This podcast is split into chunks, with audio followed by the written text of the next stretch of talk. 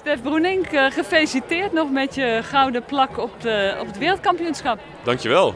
Ja, dat was uh, alweer een paar weken geleden, maar ja, nog steeds heel relevant denk ik. ja.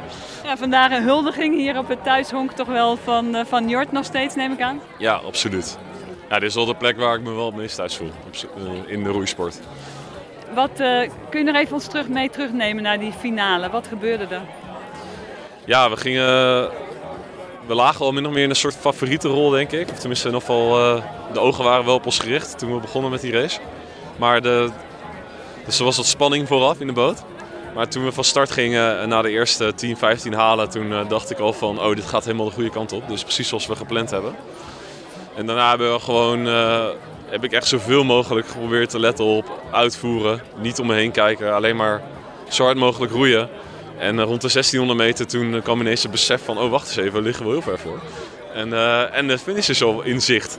Dus dat was toen nog even een soort van, dat werd nog even spannend. Maar ook al een mix van emoties en uiteindelijk over de finish. En uh, toen gewonnen. Maar die mix van emoties, je denkt, oh het gaat echt gebeuren? Ja, gewoon blijdschap, maar ook nogal van, oh ik moet gefocust blijven en het kan nog misgaan. En nou ja, dus dat, is dan, dat is dan waar je dan mee struggelt intern.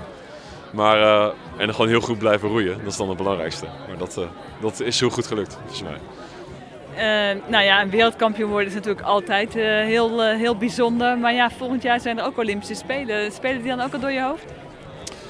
Ja, natuurlijk. Want het is ook het kwalificatiemoment voor de Spelen op dat moment. En, en je race dan al tegen je belangrijkste tegenstanders.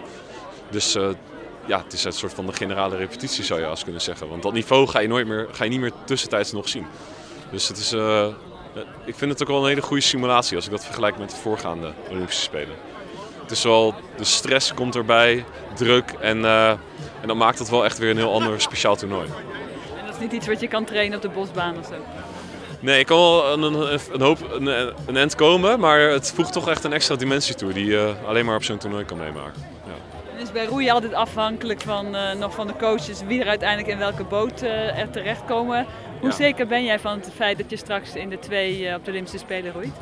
Nou, officieel niet heel erg zeker, of ja, gewoon niet zeker, maar de, het lijkt me wel dat we nu de basis vormen van de dubbel 2. En, en er moet wel iets geks gebeuren mocht het dan niet zo gaan, denk ik. Maar ja, er zijn gekkere dingen gebeurd in het verleden, dus uh, het, het, kan nog alle kanten op. Goed, knappe jongen die jullie uit jullie boot krijgen.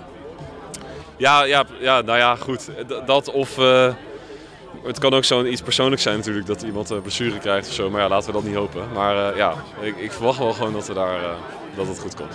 En is dat dan zeg maar het moment ook waarop je je carrière echt afsluit? Ja, dat zei ik de vorige keer ook. En dat is toen niet gelukt. om die carrière af te sluiten. Uh, ja, in principe is dat nu wel de planning. Maar uh, we, we, gaan het meemaken. dat is...